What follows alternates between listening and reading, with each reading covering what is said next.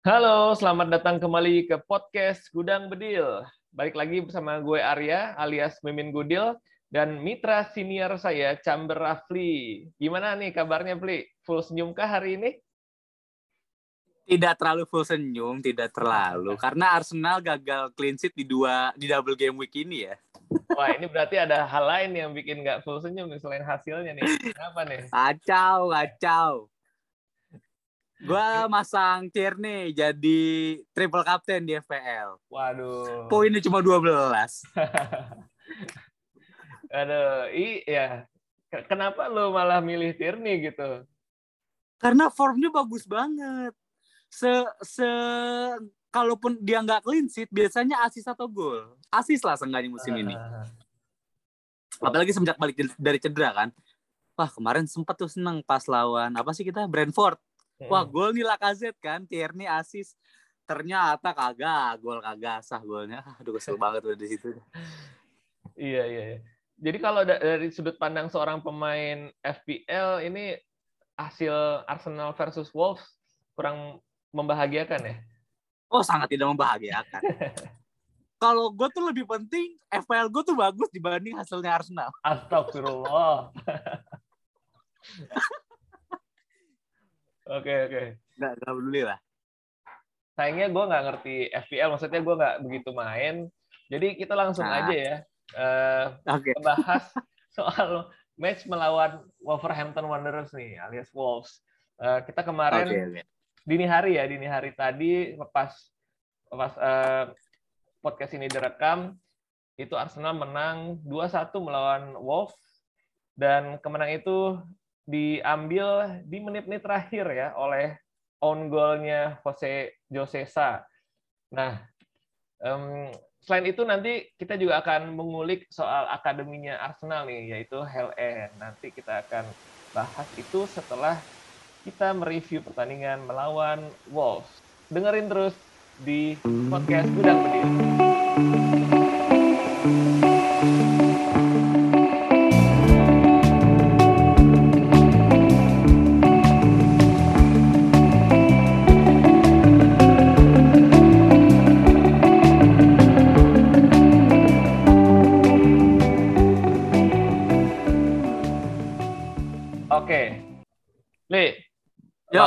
Wolves nih, um, ekspektasi lu sebelum melawan Wolves gimana nih Arsenal? Ekspektasi gue, uh, gue yakin menang lah ya. Hmm. Karena ya gue nggak tahu nih gue optimis aja lah Marteta lagi squadnya benar-benar full team terus nggak ada yang bermasalah di timnya juga kayak Obama yang kemarin yang tato underperform malah mana dia kapten kan sekarang tuh gue ngeliat Arsenal tuh lebih padu aja dia jadi bener-bener bermain kayak tim. Nggak ada yang bintang-bintang banget nggak ada yang dituakan lah di situ uh, maksudnya yang merasa dirinya bintang. Kalau dituakan sih pasti ada ya ada siapa yeah. ada Lacazette. Di sana ada partai juga yang udah punya pengalaman. Uh. uh, gue ngeliat oh uh, mereka tuh bener-bener bermain jadi tim sekarang. Seru banget ngeliat Arsenal sekarang. Udah punya lagi semangat lah itu yang nggak pernah gue lihat tuh seenggaknya dalam tiga atau lima tahun terakhir kali ya. Hmm. Arsenal main dengan semangat itu baru ini lagi lah. Enam bulan ke belakang mungkin. Iya iya, iya. jadi walaupun misalnya pemainnya ada yang tidak menonjol tapi itu masuk ya ke dalam skema permainan Arsenal gitu ya? Masuk masuk. Kita ambil contoh kecil aja yang baru banget masuk lagi ke line up kan Cedric ya di tiga yeah. atau empat pertandingan terakhir kan. Yeah. Dia selalu main dan gantiin Tomiyasu yang begitu super power. Ternyata dia nggak perlu adaptasi yang jauh-jauh banget ya. Permainan Arsenal juga nggak menurun buktinya kan.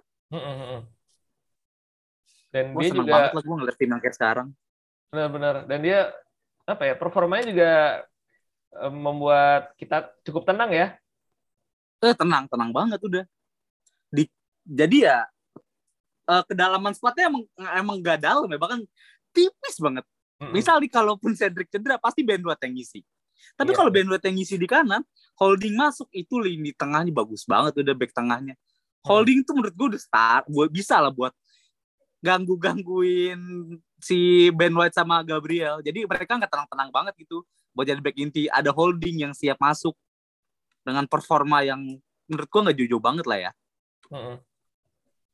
Nah ini kita obrolin soal golnya pertama, gol pertamanya Wolves nih yang blundernya Gabriel ya. Um, uh, udah lihat kan bahwa itu kalau misalnya lu adalah back yang berpengalaman biasanya sih lu bakal ngebuang bola ya di situ kan. Tapi uh, iya, iya. di situ mungkin dia merasa bisa karena dia mungkin di kaki, di kaki kirinya ya bisa ngoper ke dalam ah. dengan kaki kirinya gitu. Jadi dia mencoba untuk ngoper ke Ramsdale. Menurut lo gimana dengan gol yang itu? Uh, nggak tahu nih gue pikiran gue udah jeleknya udah negatif nih gue rasa itu disuruh ya biar FPL gue nggak clean sheet disuruh disuruh tuh Gabriel tuh gue yakin tuh Gabriel disuruh biar uh, wah Tierney biar nggak clean sheet tuh biar triple captain gue gagal gitu kalau teman gue dipakai Gabriel dia di papan atas ah, jadi ada yang ini ya main iya udah dan negatif gitu thinkingnya ya. lah gue udah nggak. Permainan pasti ada permainan di sini sih. Ya, gue udah yakin di sana. Tapi kalau yang seriusnya sih uh, Gabriel ya udah mungkin karena nggak nggak nggak awas kali ya. Dia nggak nyangka juga kalau ada Huang di sana.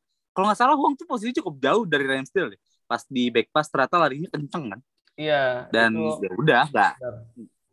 Uh, jadi nggak nggak bisa tebak juga iya operannya nanggung gitu Betul. antara di tengah-tengah antara Ramsdale dan Ben White kan di situ betul, dia betul. si Huang langsung sigap langsung ngambil dan uh, penyelesaiannya juga bagus sih di sudut yang cukup sempit tapi bisa masuk gue udah mikirnya ah lewat ini mah eh taunya masuk Iya iya dan gak ada gangguan juga orang udah lewat semua tinggal Tierney doang tuh de depan gawang iya. dan uh. juga telat. Ya udah. Itu salah jadi... satu pemain yang merepotkan lah ya Huang Hichan uh, untuk tadi pagi dia Iya benar benar yang bagus, fisiknya bagus, kecepatannya tinggi, uh, dan itu kayak dua gitu, dua dua pemain depan yang punya fisik bagus, satu lagi kan Raul Jimenez, itu juga yeah. ya bagus aja, jadi emang berbahaya mereka di counter attack uh, Wolves. Tapi iya, meskipun iya punya dua lini serang yang saling melengkapi lah. Benar. Huang, Uh, Huang punya pace yang bagus, sedangkan Jimenez wah kuat lah dia hitungannya. Back apa kiper eh striker yang kuat, yang punya shoot akurasi yang bagus. Kencang juga tendangannya setahu gue. Iya, iya. Baru aja nyetak gol ke gawang ini kan, Spurs kan. Iya. nah, setelah ya. gol itu, Arsenal agak goyah tuh ya. Um. Wolves mulai masuk ke dalam pertandingan, mulai menguasai. Tapi di babak kedua itu all Arsenal itu Arsenal yang menguasai pertandingan seluruhnya. Emang di awal-awal di menit awal ada semacam apa namanya ya uh, shout untuk penalti gitu ya. Tapi ya ah. biasalah tidak bisa diharapkan wasit Inggris. Walaupun ya sejujurnya uh, secara umum selain yang awal penalti itu Martin Atkinson lumayan sih performanya tidak se kalau nggak salah ada gol yang nggak sah kan ya gol si size ya size ya Size, ya, ya. Iya, itu tipis banget itu. Tumben loh. Iya, makanya. Itu apa ya? Ya, cukup inilah, cukup fair lah menurut gue ya. Maksudnya kalaupun dirugikan, kedua belah tim juga ada dirugikannya gitu. Jadi mungkin ini karena nggak ngaruh apa pun ke klasemen atas kali ya. Mungkin ya, gue berhusnuzon. mungkin dia dia iya iya iya mungkin nggak ngaruh ke City atau Liverpool gitu kan jadi iya santai aja gitu. Ya, ya kalau dua tim ini yang main nggak akan kalau Wolf yang menang ya tetap naik, Arsenal menang tetap naik. Oh ya udah. Kalau kemarin Arsenal Brentford kan kalau Brentford menang, Arsenalnya ketahan. Sedangkan mm -hmm. Arsenal sama Wolf ini kan uh, atas bawah di klasemen. Jadi gue berpikirnya ke sana aja. Oh, jadi siapa pun yang menang nggak akan berpengaruh buat mereka. Gue berpikirnya ke sana ya. Tapi kan ini cuma teori konspirasi-konspirasi aja. opini jelek, opini jelek. Iya, iya, iya. Jadi di babak kedua Arsenal benar-benar ngasih pertandingan, cuma ya ya lo tau kan Wolves itu benar-benar ketat ya ininya. Uh, iya. Pertahanannya di dua pertandingan terakhir cuma kebobolan satu dan di tujuh apa sembilan pertandingan terakhir nggak kalah, menang terus. dan kalahnya cuma, cuma Arsenal yang ngalahin dia. Iya, cuma dua kali kalah itu lawan Arsenal doang. Sebagus itu performanya Wolves. Jadi bisa menang dengan dramatis ya adalah sebuah kepuasan sendiri ya. Iya, betul.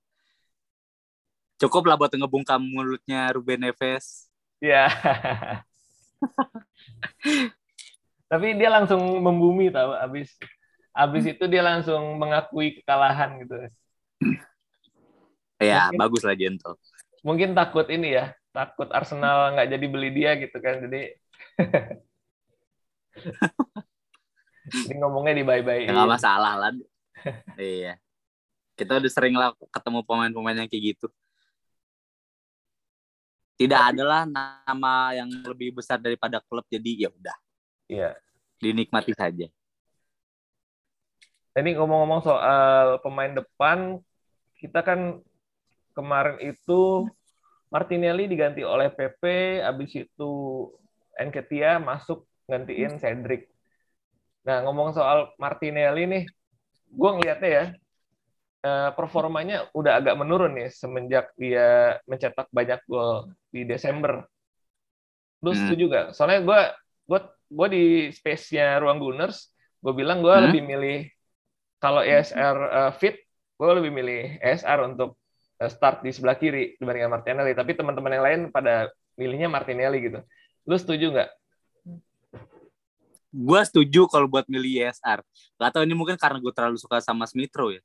Gue gue suka banget lama nih orang Smithrow. Yang yang gue kurang suka dari Martinelli tuh dia terlalu terburu-buru, terburu-buru dalam segala hal dalam dribbling, passing, shooting apalagi dia suka ngelakuin shooting-shooting.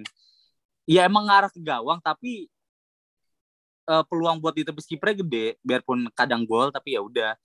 Kalau dia lebih sabar sedikit lagi ya tahu mau ngelihat situasi, mungkin golnya akan lebih banyak ya. Hmm. Kalau Smithrow kan bener-bener efektif banget itu pema pemain. Efektif, bener. Efektif banget bener-bener. Wah itu pemain cerdas banget lu kalau lu nonton gol dia lawan Brentford kemarin, Ih gila itu kelas banget golnya itu. Iya iya iya. Gak ya. ini ya, gak ngocok-ngocok, gak maksudnya tidak um, kayak gimana ya maksudnya um, tidak menonjol skillnya, tapi efektif gitu. Dia menggunakan skillnya untuk hal yang berguna gitu ya. Iya benar benar ya kayak kayak kayak anak pinter yang di sekolah aja gitu yang uh. oh, dia diem pendiam tapi tahu-tahu ranking satu aja. Nah, Smithrow tuh kayak gitu. Gak kalau Martino mungkin kayak iya. banyak ngomong loh. Di nilainya bagus juga sih, tapi tidak tidak tidak top lah. Hmm. Mungkin kalau perbandingannya begitu. Kalau se opini sotoy gue, gue terlalu suka sama Smithrow karena itu. Iya, Tapi iya, Martinelli iya. bukan berarti jelek ya. Mungkin kayak karena masih muda dua-duanya. Ya dilihat aja perkembangannya gimana. Dan kalau buat PP, nggak tahu di gimana. Musim kemarin tuh dia mulai gacor di paruh kedua. Dari Februari sampai akhir musim, hmm. PP tuh gacor banget. Dari Maret lah mungkin. Entah asis, entah gol, PP banyak banget. Kan kalau nggak salah top skor kita musim kemarin PP kan? PP, benar. Iya, langsung ini dia naik dia di ya betul di akhir-akhir musim itu. Iya, di paruh kedua kan, di paruh uh. kedua tuh. Nah, mungkin mungkin bisa jadi itu keulang karena motif apa mungkin Arte bilang oh tahun lalu lu bisa masa sekarang nggak bisa? Mungkin ya mungkin. Tapi gue berharap sih itu terjadi. Jadi kan persaingan di lini depan makin seru. Bener.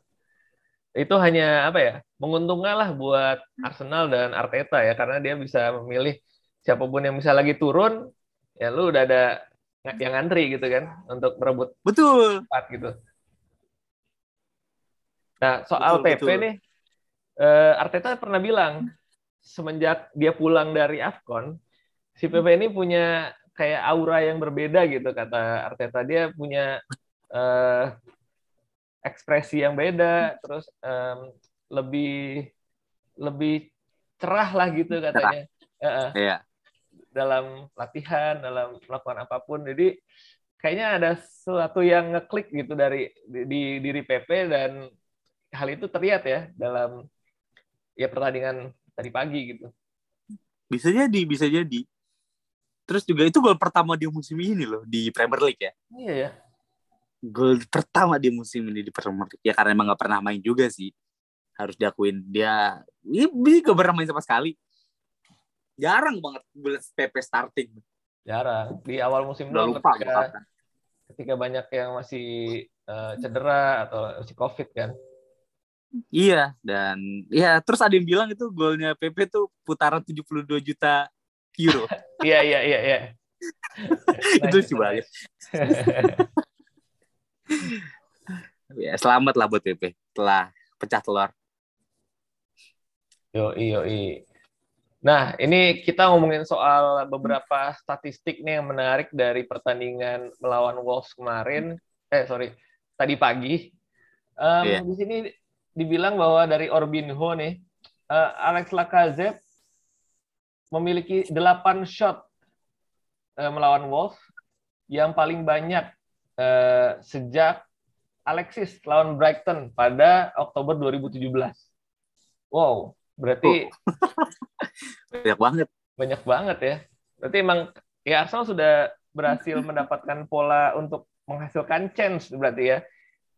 Tinggal bagaimana seorang strikernya menyelesaikan chance itu gitu kan. Iya benar. Nah, menurut lo tadi Kalau boleh juga statistiknya huh? Arsenal bikin 26 shot ya, shoot ya. Gua nggak tahu nih 26 shoot kayak gimana, apa yang apa shootnya entah kualitas bagus atau enggak. Tapi on target itu cuma 5. Mm -mm. Itu kan pertanyaan banget itu. Lu ngesut dari tengah apa semua shootnya kayak modelan shoot party kan? Gua nggak tahu nih, gua nggak nonton ya. shoot party ada dua ya. Party ngesut dua kali dan dua-duanya menggambarkan mana-mana. Mana-mana lah parah, parah. itu kalau misalnya apa ya partai itu bagus banget mainnya lawan Wolves iya semalam mainnya bagus semalam bagus, bagus banget katanya ya. cuman ya kalau lagi nge-shoot ya men, ya please lah tobat gitu iya nggak nggak mau sendiri. Iya. Tapi keren banget sih partai mainnya keren. Uh, terus ya, uh, ya udah. ngomongin Alex Lacazette gimana nih menurut lo? Uh, dia kan apa ya? Uh, striker yang jarang nyetak gol, tapi dibutuhkan oleh tim nih. Menurut lo gimana perasaannya setelah men mencetak semi mencetak gol tadi pertandingan Wolves? Uh, kalau lu gua gua ngulang-ngulang tuh gue kaset gue ulang-ulang. Uh, itu kan kayaknya benar-benar beruntung loh itu kaset. Yang pertama itu tuh pelan banget. Mm -hmm. Dan itu di flag dua kali. Benar udah deflect dua kali ya siapa yang bisa mengira mungkin deflect sekali masih bisa refleks lagi tapi deflect keduanya itu oh benar-benar murni hoki kalau dibilang gol jatuh dari langit ya itu gol kasir itu gol apa ya hasil doa dan usaha men jadi eh, iya benar nah, mungkin mungkin mungkin ya gol itu nggak akan terjadi tanpa shoot yang aneh dari Lacazette itu tapi kalaupun gak di flag, itu ada Saka yang siap nyambut di pinggir dan dia bebas banget, nggak ada yang awal gitu maksudnya. Mm -hmm. Ya kemungkinan golnya mungkin 80%, tapi uh, kata Tuhan ya ini waktunya Lacazette lah. itu kayaknya dia juga niatnya ngoper deh, bukan nge-shoot.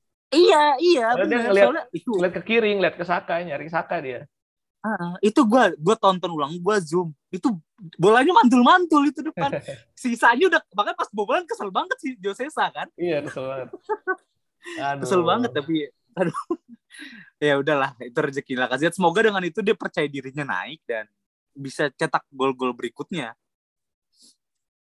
atau enggak ya hal-hal uh, apa ajaib lainnya lah gue menunggu itu apalagi kalau kita nggak ribet-ribet banget ya abis ini Habis ini kita lawan Watford.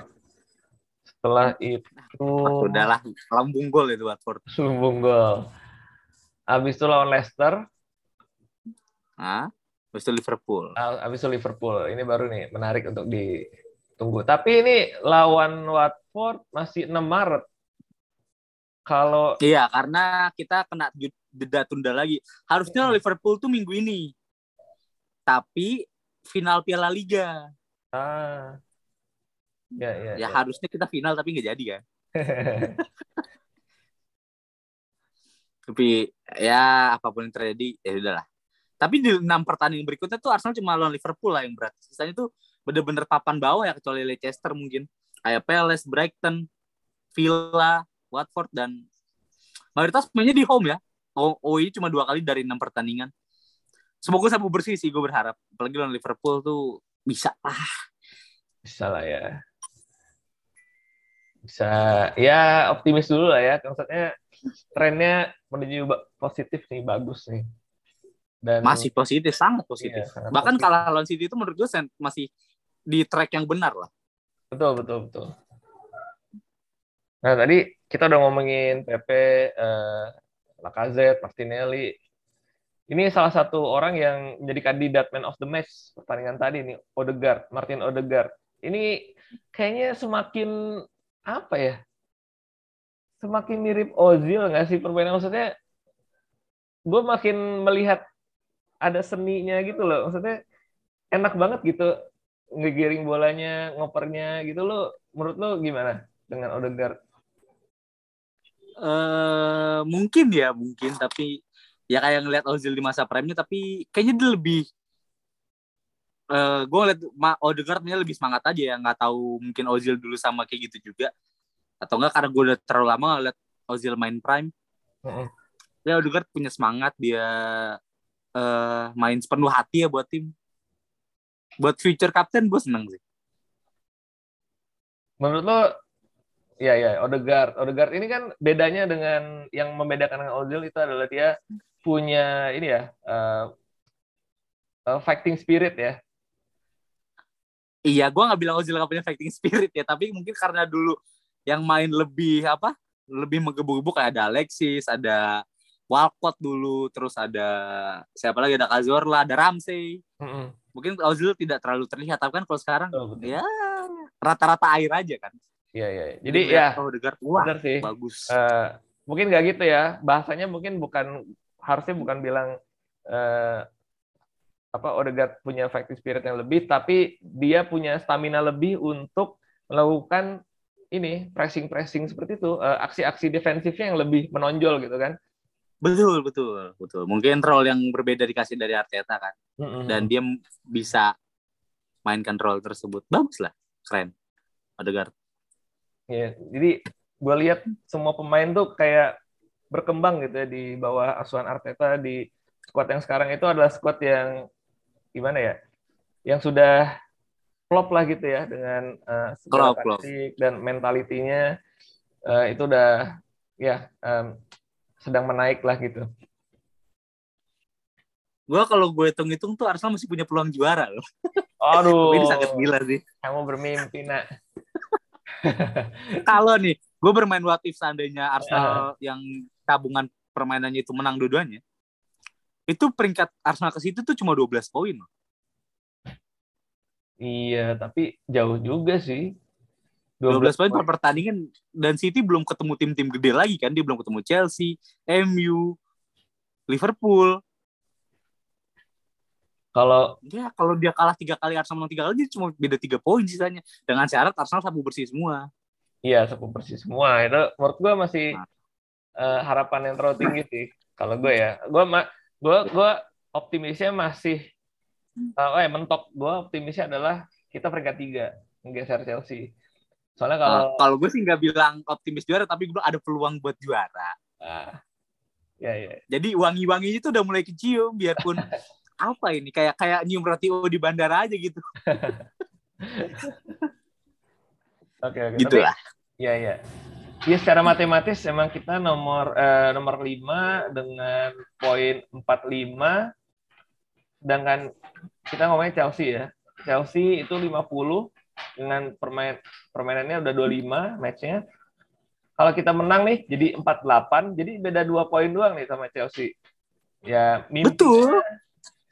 Peringkat tiga lah. Maksudnya mimpi muluk-muluknya peringkat tiga, tapi realistisnya masih bisa lah peringkat empat. Masih bisa. Masih bisa. Yang... Eh enggak dong kalau kalau Arsenal menang dua kali berarti poin Arsenal 5-1 udah pasti di atas Chelsea. Enggak Chelsea. Karena kan masih... satu lagi ketemu Chelsea. Oh iya iya iya, masih ada ya. Uh-huh. Chelsea. Iya dan Chelsea tanding tundanya ini lawan Arsenal. Kalau kita menang, Chelsea udah pasti Chelsea udah pasti di bawah Arsenal. Mm, mm, mm, mm. Dengan syarat menang lawan Liverpool. Dengan syaratnya itu. Banyak sekali syaratnya sih. eh, cuma dua sih, tapi susah banget. Kita masih mau masih akan lawan MU juga yang kalau lawan Arsenal suka muncul performa terbaiknya gitu kan. Lalu yeah, kita betul. juga bakal uh, North London Derby lawan Tottenham Hotspur yang juga sama kayak MU kalau lawan tim kecil busuk tapi lawan tim kayak Arsenal malah bagus gitu. Iya, sebagus-bagusnya dia paling cetak satu gol sih. Udah, nggak akan menang juga. Iya, iya, iya. Nah, itu dia mimpi kami ya. Mimpi kami untuk akhir musim. Sekarang kita bakal beralih membicarakan para talenta yang lahir dari Hell End atau Hell End Babies. Bayi-bayi yang muncul dari Hell End. Yang tentunya kita punya tiga orang ya atau empat orang yang sedang ada di first team sekarang setidaknya terpampang di situsnya Arsenal ya sebagai first team itu ada Bukayo Saka, Emil Smith Rowe, terus Eddie Nketiah sama Arthur Okonko ya. Betul. mau ngomongin siapa dulu nih, Pli? Favorit gue Emil Smith Rowe lah. Emil Smith Rowe ini oh gila banget. Gue nonton dia tuh dari pas dia dipinjemin ke Huddersfield. Terus dipinjemin ke Leipzig yang nggak pernah main ternyata pas hmm. di Leipzig makanya Arsenal gede gitu kan. Padahal tuh uh, dan ini ini orang tuh apa ya? Gue nggak pernah ngelihat Arsenal punya pemain kayak gini sebelumnya. Gue nggak pernah ngelihat dia uh, apa bagus lah Smith Rowe itu. Terus juga kalau Saka tuh Saka tuh juga produk baru kayak kayak penggantinya Sanchez tuh yang hilang ya, bener-bener hilang yang kita dapat. Dua-duanya ini sekarang bisa dibilang tuh orang yang ngegendong Arsenal tuh nggak? Iya iya iya. Jadi Arsenal tuh di kayak wah di punggung kedua anak muda ini nomor 7 dan 10 itu kan nomor yang paling sakral di tim gak sih? Iya, untuk dan mereka ya, berdua yang makin tombaknya gitu lah ya. Betul, betul. Kalau umur mereka kan panjang sih di Arsenal gue yakin. Amin, amin. Semoga aja mereka dihargai dengan tepat oleh Arsenal dan mereka juga balik mencintai Arsenal gitu ya. Iya. Semoga. Tapi ini emang beda sih. Maksudnya Saka, Emil Smith Rowe itu emang dari kecil banget kan ya di Arsenal. Iya, iya dari kecil banget. Maksud gue beda dengan misalnya Ses Fabregas gitu ya. Iya. Walaupun di umur 16 tahun direkrut oleh Arsenal, tapi dia tumbuh di La Masia-nya Barcelona kan. Betul. Dan dia jadi terpancing untuk tanda kutip pulang ke sana waktu itu kan. Iya, kampung nah, lah. Dan dia mau orang sana juga kan. Benar. Apalagi Saka Smithrow ini ya anak kampungan sih itulah. Anak kampungnya London ya, bener. Bener. Jadi ya senang banget lah sudah merasuk ke dalam jiwa mereka nih value-value Arsenal gitu. Iya. Ini yang nggak pernah ada lagi. Gue nggak tahu sebelum mereka berdua siapa yang Arsenal punya persis kayak mereka. Yang mendekati pun bahkan bisa dibilang nggak ada. Ya, ya dalam waktu mungkin satu dua dekade ya nggak ada sih. Kita kan nggak tahu ya di zaman dulu gimana ya. Tapi iya. untuk dua dekade terakhir nggak bisa gue yeah. bilang nggak ada lah. Uh, iya, penyerang sayap dari Arsenal itu nggak ada sih. Paling terakhir talenta besarnya ya Jack Wilshere ya. Iya dan Wilshere tuh nggak pernah sebesar itu maksudnya. Tapi dia Jadi, mainnya ya, di Liga Champions, men. Iya, main Liga Champions dia penghargaan terbesar dia itu kan kayak runner up Golden Boy kalau nggak salah deh. Mm -hmm. Di bawahnya siapa Balotelli apa ya? Apa di bawah siapa gitu gue lupa. Mm-hmm. Wilshere tuh runner apa ya Golden Boy. Udah itu doang. Nah nih kalau kita melihat uh, mencermin bercermin sama Jack Wilshere nih um, dia mulai agak gimana ya agak gelisah ya di Arsenal. Itu ketika dia um, sudah mendapatkan panggilan timnas Inggris ya kan? Hmm setelah itu dia kalau nggak salah cedera atau gimana ya? Eh, atau ganti pelatih gitu ya. Um, dia nggak dapat tempat lagi nih di di tim. Karena entah itu ada pemain baru atau siapa. Nah, menurut gue nantinya ya yang menjadi ancaman adalah ketika posisi timnas Inggris itu loh yang menjadi uh, momok gitu menurut gue ya. Seorang pemain ber, berdarah Inggris itu bisa menjadi salah satu alasan untuk seseorang pergi. Gitu. Tapi ya gue rasa Saka dan Smithrow kalau performa mereka seperti ini terus ya aman sih. Hmm. ya gak sih? Iya iya. Gue bisa nggak bisa pastikan. Sengganya tuh buat sampai sekarang nih buat posisi timnas Inggris kayak mereka berdua sih. Lihat siapa lagi pemain Inggris yang Grealish lagi flop banget musim ini. Mm-hmm. Mungkin Mason Mount sama Foden ya yang bisa gangguin mereka. Kayak Rashford tuh juga flop, Sancho juga so-so aja. Sterling Sterling mungkin oke okay lah. Tapi kan Sterling biasanya kan dia agak ke depan gitu. Iya. Yeah. Iya, gue rasa posisi ya inti buat Saka dapat Smith Rowe mungkin agak berjuang sedikit lah. Karena lawannya Mason Mount yang di Chelsea juga nggak main-main. Hmm. Ya ya. Oke, tapi sorry. Oke, untuk Saka dan uh, Smith Rowe mungkin hal itu nggak berlaku ya. Uh, timnas Inggris masih aman ya, soalnya mereka masih mendapatkan tempat di Arsenal. Dan menurut gue yang men, yang terjadi seperti itu ke pemain Arsenal adalah uh, salah satu produk HLN juga yaitu Maitland Niles. Oh iya. Dia sudah merasakan timnas Inggris kan? Iya betul. Iya kan? Dan ketika sudah cukup lama tidak dimainkan atau hanya menjadi penghangat bangku cadangan, dia mulai gelisah tuh. Iya kan? Betul. Nah, itu tuh. Iya. Gue ketika seorang pemain merasa profilnya meningkat, ternyata dia bisa masuk ke timnas Inggris, pasti rasa apa ya kayak rasa gelisahnya tuh akan muncul gitu dan terjadi banget di Ashley Maitland Niles. Iya ya. Tapi kalau Maitland Niles ini menurut gue dia nggak pernah benar-benar dapat posisi yang oke okay kan di Arsenal kecuali dia jadi backupnya Bellerin. Itu juga karena terpaksa nggak punya siapa-siapa dulu kan buat di back kanan. Uh -uh. bahkan sampai harus tambel berapa kali back kanan yang ditambel kan. Ganti siapa dulu masuk ada Chambers terus sampai minjem Cedric juga. Gara-gara Bellerin gak kunjung balik performnya terus Wenger ah Wenger Unai main, mainin Maitland Niles terus-terusan jadi bek kanan sedangkan di timnas Inggris kan dia dipakai buat CM gitu dipakainya bukan buat back pas ke Roma juga ternyata mainnya sama juga posisinya nggak nggak nggak sesuai dengan itu ya nggak tahu lah Maitland Niles ini gimana tapi gue suka sih sebenarnya sama dia tapi buat masuk tim masih enggak dulu. Si jauh lah. Jauh sih. Ya, ya mungkin um, apa ya ekspektasinya dia dengan kenyataan uh, di mata Arteta gitu nggak nggak nyambung. Jadi mungkin sepertinya apa ya masa depannya di Arsenal kayaknya cukup ini ya cukup nggak jelas gitu maksudnya sepertinya ya agak gue rasa ini masa depannya di Arsenal udah udah hampir habis lah gitu. Mungkin ya kalau kita bisa ngejual dia di angka 20 sih itu udah bagus banget menurut gua. Ya realistis aja lah ada ada kayak apa namanya? Ada Alex Iwobi yang akhirnya cabut kan. Tapi Iwobi kayaknya nggak cabut pun tetap dapat panggilan timnas sih. Ada Joe Willock yang dia dia nggak tahu dia pernah dapat panggilan timnas tapi cuma sekali dua kali sih inget gua. Itu juga iya. nggak main apa? Willock, Joe Willock akhirnya terus dia main di Newcastle oke okay, dia ngerasa oh yaudah dicabut ya mendingan kayak Willock aja gitu hmm.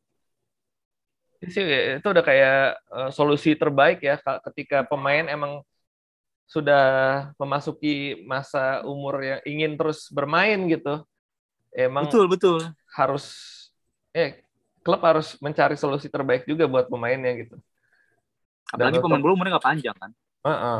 Dan untuk AMN menurut gue emang berpisah dengan Arsenal adalah solusi yang paling tepat sih untuk dia, terutama dia ya. Iya, terutama dia. Begitu juga. Kalau begitu Arsenal juga. dia bertahan mah senang-senang aja, apalagi di homegrown. Kan. Bener, bener. Kalau untuk Arsenal pasti santai-santai aja. Iya, gaji dia nggak gede-gede banget, dia homegrown, oh, udah bisa main di mana-mana. Yang paling penting itu dari depan ke belakang tuh dia pernah main.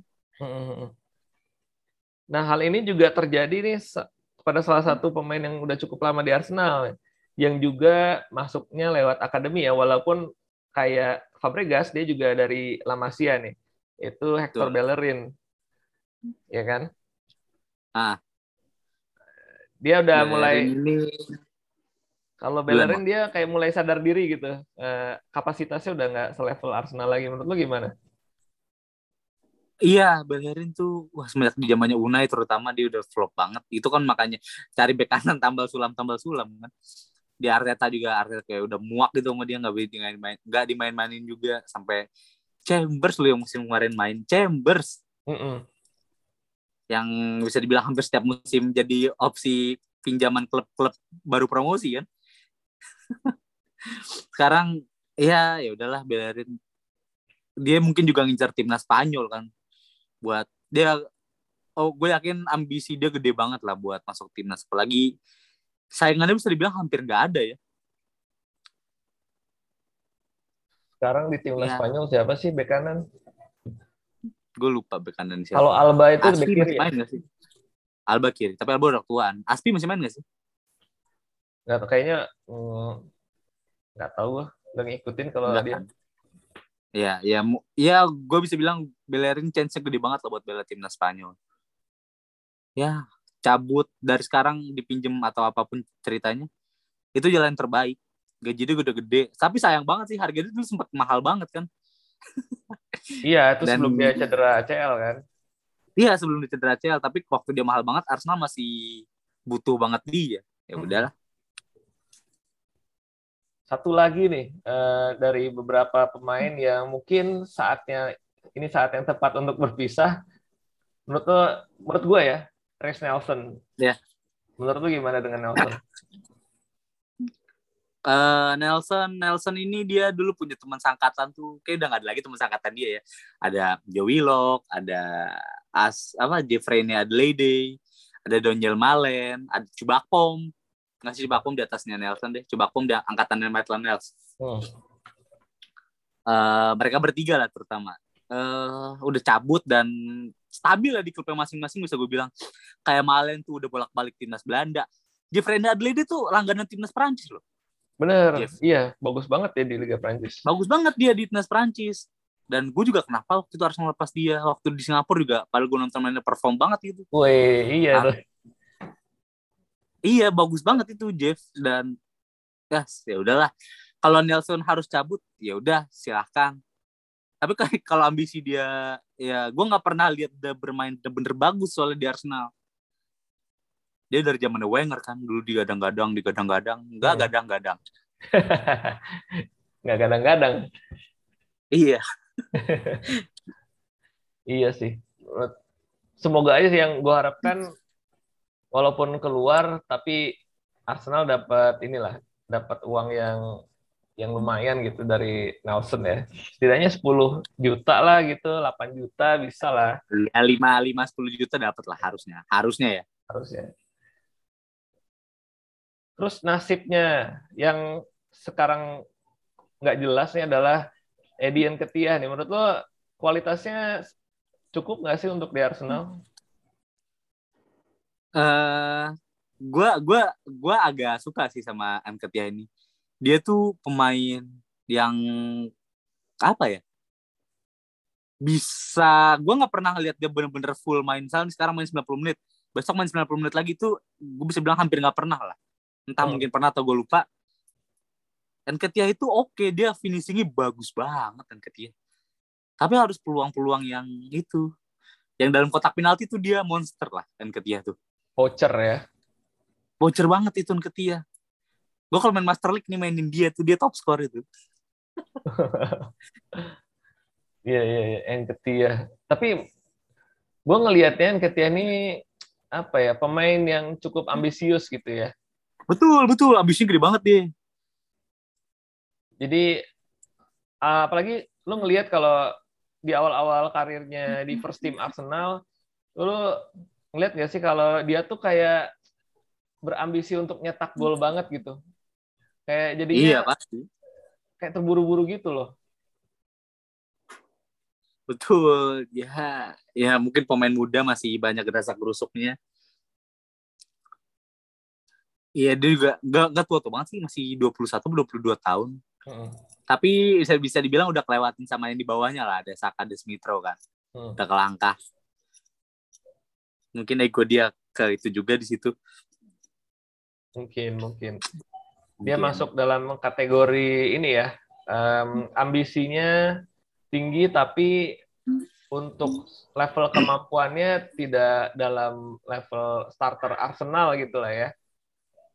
Betul. Jadi, betul. Bahkan di masih levelnya masih di bola KZ lah bisa gue bilang. Bener. Jadi semacam Maitland Niles juga sih.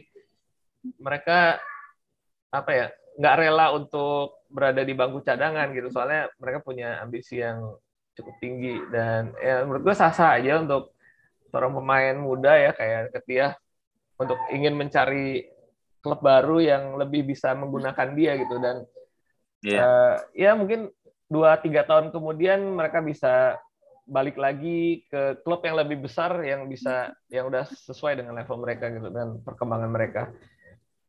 Tapi emang betul, ya betul. ya sebenarnya dia pemain yang berguna kalau dari bangku cadangan tapi ya itu kalau untuk starter menurut gua masih belum terbukti ya dan sayangnya sayangnya itu eh, kesempatan dia untuk membuktikan sangat minim nih itu yang disayangin. Uh, tapi kalau gue lihat pola-pola ya ini ya kan pola lain terjadi striker-striker Inggris itu nggak pernah ada umur yang sepanjang Rooney ya. Hmm. Uh, ada mungkin Harry Kane panjang umurnya. Selain itu nggak ada lagi kayak Dominic Solanke cuma berapa kali main, ada Saido Berahino sekarang main di Sheffield Wednesday. Itu uh. liga berapa?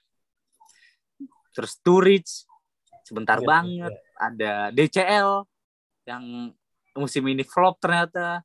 Patrick Bamford juga, ada siapa tuh striker Chelsea lagi? Calum Hudson Odoi. Ya, gue takut nanti ketika bakal bernasib sama nih Iya iya iya. Kayak mereka mereka itu, apalagi mereka mereka itu tuh semuanya start dari klub gede. Uh-uh. Kayak DCL tuh dari Chelsea, singkat gue deh atau dari mana gitu. Dominic Solanke dari Chelsea. Dari ketika mereka mencoba, oh, gue kayaknya bisa nih, coba dari klub, ah, peruntungan di klub yang lebih kecil tapi seenggaknya gue main terus. Nggak ada yang oke okay, kan? Yeah. Ternyata.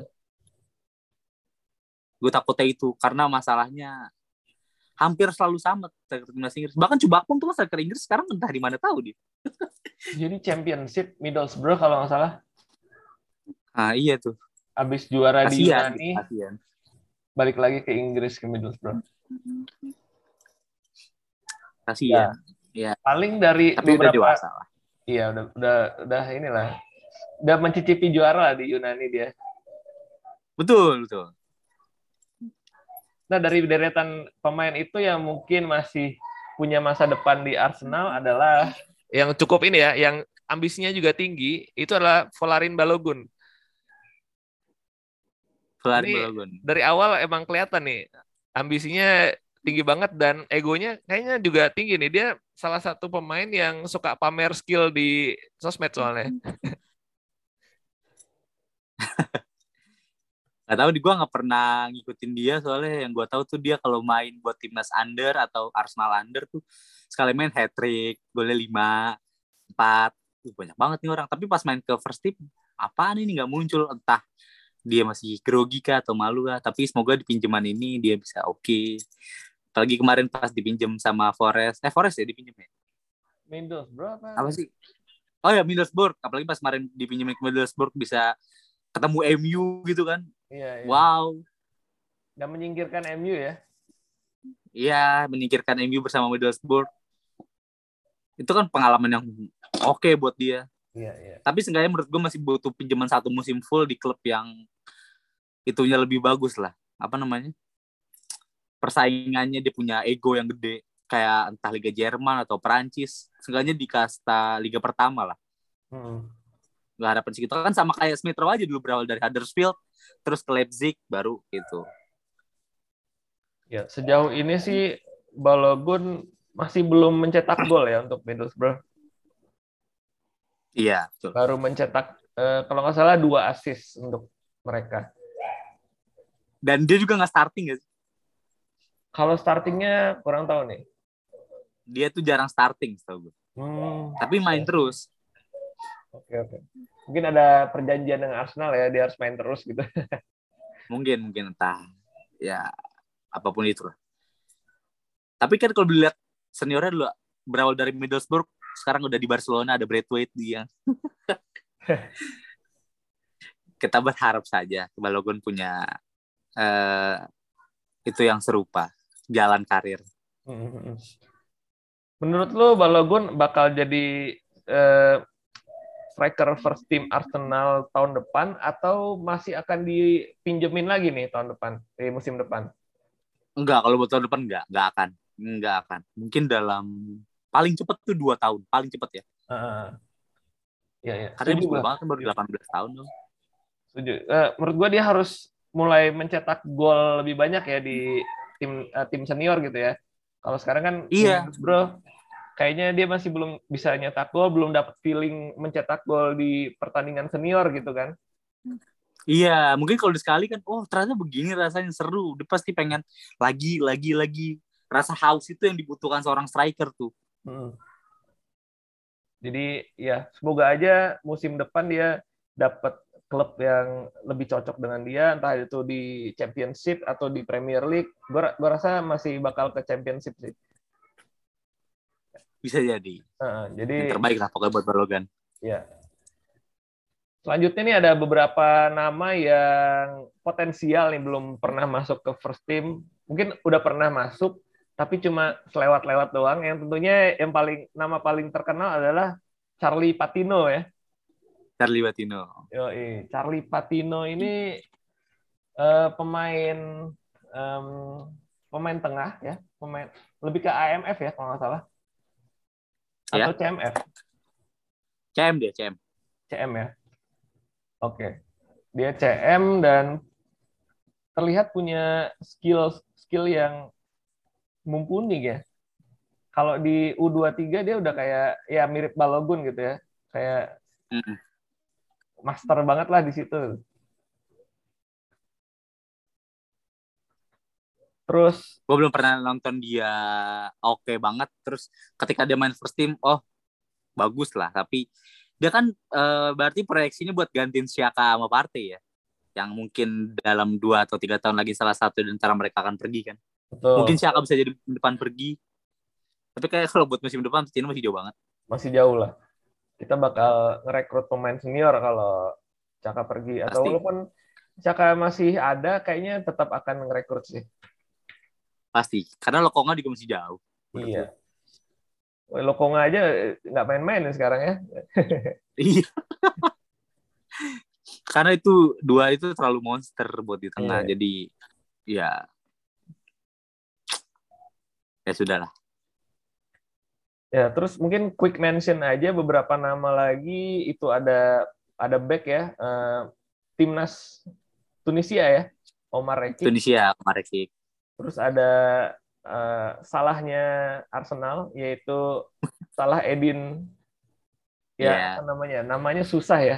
Salah Edin lah pokoknya. Ya kita nggak tahu penyebutannya gimana. Nanti yeah. mungkin kalau dia kalau dia perform kita bisa tahu nih nama panggilannya siapa terus ada satu pemain yang juga masuk ke bangku cadangan kita kema eh, kemarin. Tadi pagi itu Zack Swanson. Ya Zack terus, Swanson.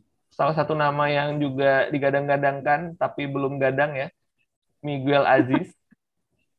Kemarin yeah. ke Portsmouth dia gagal ya bisa dibilang pinjamannya gagal dan masuk lagi ke Ditarik U23 lagi. ya balik lagi ke Arsenal. Terus yang lagi banyak dibicarain juga ada Omari Hutchinson Iya. Yeah. perform yang gue ya. bagus banget itu pas lawan apa kemarin ya? Siapa ya? Gue lupa. Omari Hutchinson ini dia bikin gol bagus buat kemarin. Hmm. Di Terus, under ya. Under. Terus ada striker juga yang baru direkrut ya dari Fulham kalau nggak salah. Ada Mika Biarret. Dia juga cukup menjanjikan. Eh, bisa jadi penerusnya Balogun ya di U23. Terus Iya, kalau Balogun perform. Iya. Terus ada kiper juga yang cukup senior di timnasnya yaitu walaupun di Arsenal masih junior banget, ada Carl Hein ya. Kiper keempat ya. kiper keempat yang lagi dipinjemin nih sekarang. Iya. Terus ada lagi juga striker yang jangkung nih, um, mirip dengan nama akhirnya ya, Jan Moller, ada Nicholas Moller. Jangan-jangan ini anaknya Jan Moller nih. Mungkin, mungkin, tapi nggak tahu. Nanti silakan diri sendiri aja ya. Sama-sama jangkung. Ya kita tunggu aja ya siapa di antara nama-nama itu yang akan menjadi the next Saka atau ESR Lu ada ini nggak? Ada tebakan nggak siapa yang masuk nih? Siapa yang menjadi the next Saka atau SR atau next Jack Wilshere di Arsenal dan nama-nama itu? Gue nggak tahu, tapi kalau selalu ditanya siapa the next, siapa the next dari dulu kan nama-nama ditanya siapa yang the next, uh, yang siapanya itu nggak pernah jadi. Mungkin di antara nama yang kita sebutin tadi itu belum ada nama the nextnya itu. Iya, Lalu iya, tahu iya. dia muncul kayak Saka aja gitu. Saka kan iya, cepet iya. banget itu. Dia sekali muncul main-main-main first team kayak Iwobi juga dulu muncul aja gitu kan Iwobi sempat lama dia dia sempat pakai nomor gede di Arsenal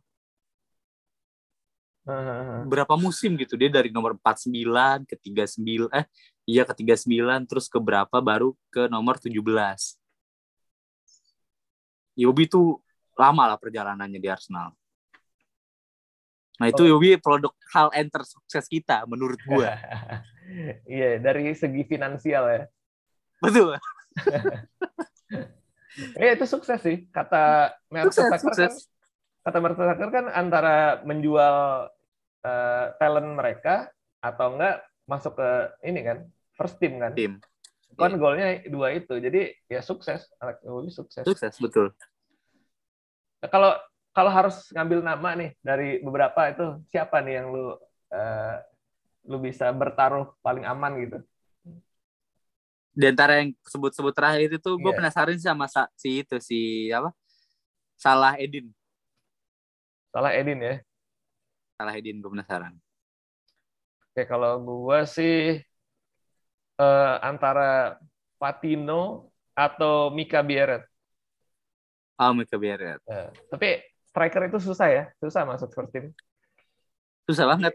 Gue lebih lebih bertaruh pada Patino. Gimana kalau kita taruhan? Wah. Gimana nih? Jadi harus ada kriteria dulu dong. Ya, harus kriteria, tapi masih terlalu panjang. Nanti kita rencanakan bagaimana taruhannya, oke? Okay? Oke, oke. Oke, kalau gitu thank you buat yang udah dengar sampai detik ini.